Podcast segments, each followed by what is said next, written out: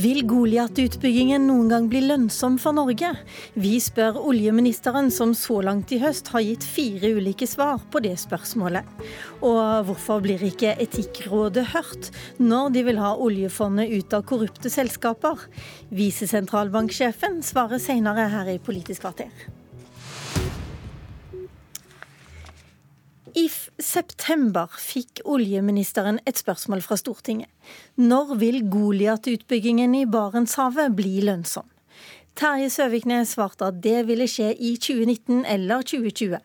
Senere måtte han korrigere det anslaget til 2022, og i november spurte SV så på ny. Svaret var da at det ikke fantes beregninger for den samfunnsøkonomiske lønnsomheten av enkeltfelt som dette. Men i går ble det også det svaret endra. Nå viser det seg at oljeministerens eget oljedirektorat har gjort de beregningene. De har sittet på dem i flere år, faktisk. Og svaret det er at Goliat-utbyggingen neppe blir lønnsom i det hele tatt. Terje Søviknes, velkommen til Politisk kvarter. Takk for det. Har du tenkt å sette to streker under dette svaret, eller eh, vil du holde et spørsmålstegn på enden eh, denne gangen også? Det er jo sånn med felt i produksjon at du aldri vil få endelig fasit på hvor lønnsomt det var før eh, feltet er ferdig produsert. Eh, og du kjenner alle investeringskostnader, driftskostnader gjennom feltets levetid og produksjon, salgsinntekter avhengig av oljepris, og hva reserver du klarer å få opp. Så Hvorfor fasit, sa du ikke det når du svarte 2019-2020? Det, det har jeg svart underveis òg, men så er det jo sånn at man underveis gjør beregninger.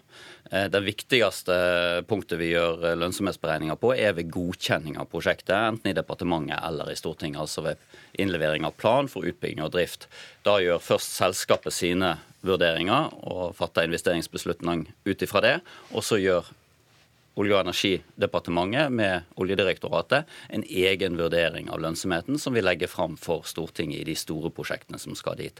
Sånn at man har et eh, bilde av lønnsomheten i prosjektet når man skal velge å gi ja til utbygging eller si nei til utbygging. Og Det er et viktig sånt skille i eh, denne behandlinga. Når så feltet kommer i drift, ja, så vil det jo få de inntektene det får, de utgiftene det får, og så må man gjøre opp status når Men, eh, feltet er avslutta. Burde ikke du hatt beregningene fra ditt eget direktorat da du svarte allerede første gang? Nå er det riktig, som du sier, eh, på en måte, fordi eh, det er ikke sånn at vi gjør beregninger løpende fra eh, Olje- og energidepartementet på lønnsomhet. Det gjør heller ikke Oljedirektoratet. altså Nei, Men vi hadde de beregningene du egentlig sa dere ikke hadde? Nei, vi sa vi ikke hadde det, fordi vi ikke har det løpende. Eh, det var derfor vi gikk til eh, Eni, operatøren som sitter på alle data omkring driften, for å spørre de med deres forutsetninger, da, for å kjenne både kostnader og inntekter og produksjon. Tid vil de akkumulerte inntektene fra feltet overstiger de akkumulerte kostnadene, altså investering og driftskostnad. Og Da svarte Eni først 2019-2020, og retta det senere til 2022 fordi de hadde misforstått om dette var før eller etter skatt. Eh, når vi fikk retta opp i det, så formidla vi det selvfølgelig til Stortinget med en gang. De tallene fra 2015, bare for å ha tatt det med en gang da, som kom fra Oljedirektoratet i går, eh, den interne eh, vurderingen som de gjorde da, høsten 2015, før feltet kom i drift, Eh, ble aldri oversendt til Olje- og energidepartementet den gang.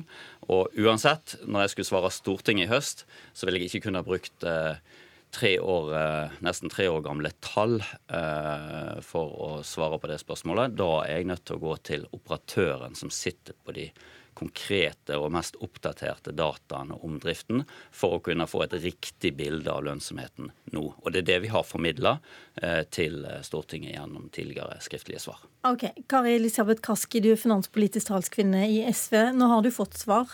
Goliat-utbyggingen ligger ikke an til å bli særlig lønnsom. Var det svaret du ville ha?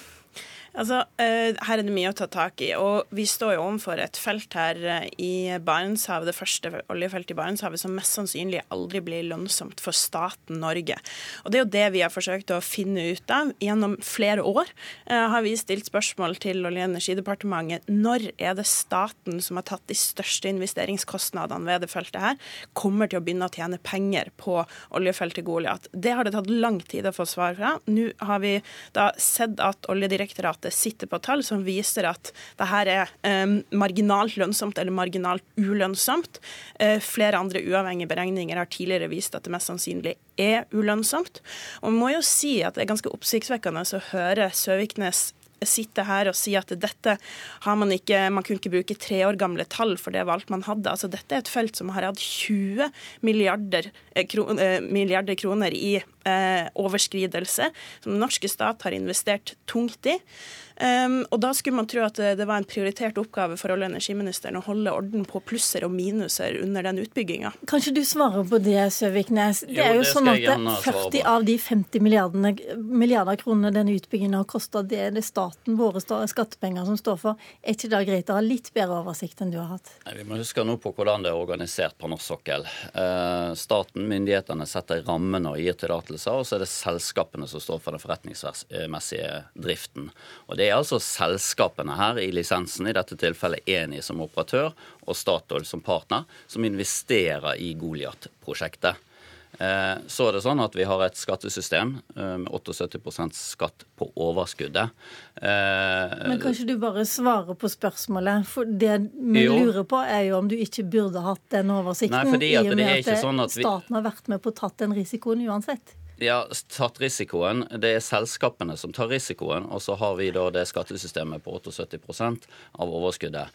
Og Men det, hvis ikke og, det er noe overskudd, så nei, får man jo ikke pengene tilbake? Nei, da får man ikke eh, inntekter til staten fra dette prosjektet, bortsett fra de ringvirkninger det har, gjort, det har, har gitt gjennom utbyggingsfasen osv. Men, men det er viktig å understreke at eh, nå er det fra Eni opplyst at fra og med 2022 så overskrider altså inntektene de samla utgiftene med feltet. Fra da av så vil man tjene penger og man vil få en avkastning på investert kapital. Ja, og så er spørsmålet hvor mye blir det til slutt som vil komme i Men tror du at det blir mer lønnsomt? Ja, det gjenstår jo å se, fordi det er altså Greit. mange uforutsette, altså ukjente eh, mm. faktorer i dette. Det ja, Det store ja. spørsmålet her er jo når staten og ikke det italienske oljeselskapet Eni begynner å tjene penger. og Man må jo spørre seg om Søviknes er skikka til til å gjøre den jobben med å ivareta fellesskapet sine ressurser her. Det er altså et felt som det nettopp er staten som har tatt risikoen når det kommer til selve utbygginga. Så enten så gjør han ikke jobben sin i å følge med på det, eller så er han opptatt av å dekke over potensielt svært ulønnsom oljevirksomhet i Barentshavet, som jo han har tidligere uttalt at her må vi bare kjøre på litt La meg nå da understreke at prosjektet ble godkjent i 2009 under Stoltenberg II-regjeringa. Da lå det i dokumentene til Stortinget, det var en regjering SV satt i, at prosjektet var marginalt lønnsomt allerede da. Så har man hatt overskridelser og forsinkelser. Ja, det er uheldig både for de som er lisenshavere i Goliat, og, mm. eh, staten, fordi inntektene blir mindre. Men nå skal vi altså da gjøre en utvida vurdering av lønnsomheten for å få fakta på bordet i denne debatten. Det bestemte jeg i går. Den utredningen gjør Olje- og energidepartementet. fordi at Frp var med på en merknad fra hele Stortinget i 2009 om at det her måtte være underlagt ekstra streng kostnadskontroll nettopp pga. den marginale lønnsomheten. Statsministeren får antageligvis et spørsmål om kostnadskontroll og Goliat-felt når hun møter i spørretimen om eh, to timer. Takk til dere.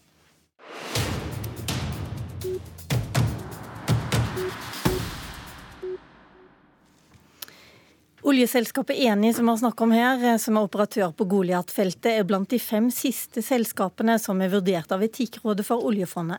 Etikkrådet vil sette Enis moderselskap under observasjon pga. flere korrupsjonssaker. Men det vil ikke Norges Bank. Faktisk er de fem siste anbefalingene som Etikkrådet for oljefondet har kommet med, ikke fulgt opp av Norges Bank. Der Etikkrådet foreslår strenge tiltak mot selskaper mistenkt for korrupsjon, kriminalitet eller menneskerettighetsbrudd, velger Norges Bank mildere reaksjoner. Og visesentralbanksjef Egil Madsen, velkommen til Politisk kvarter. Hvorfor hører dere ikke på Etikkrådet? Eh, jo, vi hører på Etikkrådet, eh, men eh, som en del av vår jobb så skal vi vurdere alternative virke virkemidler når det gjelder selskaper som Etikkrådet gir oss anbefalinger om. Og I noen tilfeller betyr det at vi velger et annet virkemiddel enn det Etikkrådet gir oss råd om. I Enis i tilfelle, f.eks., som du nevnte, så anbefalte Etikkrådet at selskapet skulle settes til observasjon. Vi valgte, i tråd med våre retningslinjer, å be vår forvalter, NBIM, om å følge opp det selskapet via såkalt eierskapsutøvelse. Det betyr NBIM oljefondet. Ja. Men jeg bare lurer på, er det helt tilfeldig at Eni, f.eks. operatør på Goliat-feltet, to andre selskaper som Etikkrådet mener faktisk man må trekke seg ut av, det er Kinas statlige oljeselskap, og det er Leonardo som skal levere nye redningshelikoptre og politihelikoptre til Norge. Dette er jo selskap som er viktige for den norske staten.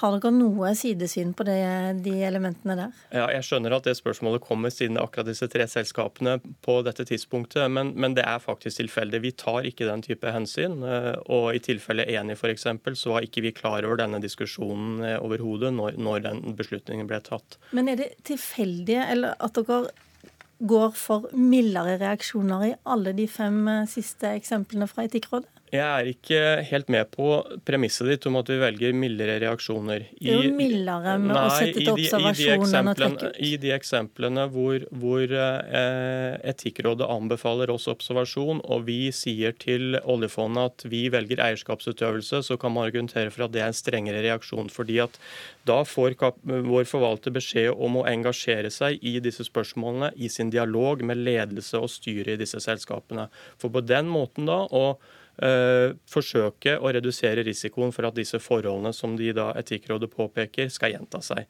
Så, så, så vi vurderer alternative virkemidler, men det er ikke nødvendigvis mildere. Dere har satt ned, eller eh, Staten Norge har bestemt at det skal være et etikkråd. De har levert en innstilling, f.eks. i det ene tilfellet på 14 sider. Mm. Dere svarer med to linjer. Mm. Hvorfor er Norges Bank bedre i stand til å vurdere enn Etikkrådet om det er riktig i grove korrupsjonssaker å trekke seg helt ut? Vi, eh, vi har ikke tvil om at eh, beslutningsgrunnlaget fra Etikkrådet er riktig. Eh, og, men vi har samtidig et ansvar som ikke Etikkrådet har, for å vurdere alternative virkemidler. Noen av virkemidlene som vi har ansvaret for, er, er heller ikke noe Etikkrådet gir oss anbefalinger om. Eh, og så, eh, så, skal jeg erkjenne at våre begrunnelser er vesentlig knappere enn en Etikkrådet, så det, det, skal vi ta med oss og se om, om er mulig å, å, gjøre noe med. Men det er altså slik at, at eh, også for oss så er Etikkrådets beslutningsgrunnlag, de analysene og de utredningene de gjør om selskapene, viktig også når vi tar beslutningen. Men dette er en ny praksis, konstaterte lederen for Etikkrådet, Johan H. Andresen, i Dagsrevyen denne uka. Så Sånn sett så er det en, eh, en, en litt ny måte å gjøre det på. Denne nye måten å gjøre det på, Beate Sjåfjell, professor ved Det juridiske fakultet ved Universitetet i Oslo. Du har jo forska på oljefondet. Er det dette du snakker om, at eh, når du sier at oljefondet er en slags internasjonal gullstandard for etikk, som nå kanskje litt, eh, det stilles litt spørsmål ved? Ja, Oljefondet er jo kjent internasjonalt eh, for å i hvert fall ha vært en eh, gullstandard for ansvarlige investeringer. Er den nå i fare? Det er en fare dersom disse, fem sakene, disse siste fem sakene viser seg å være begynnelsen på en trend.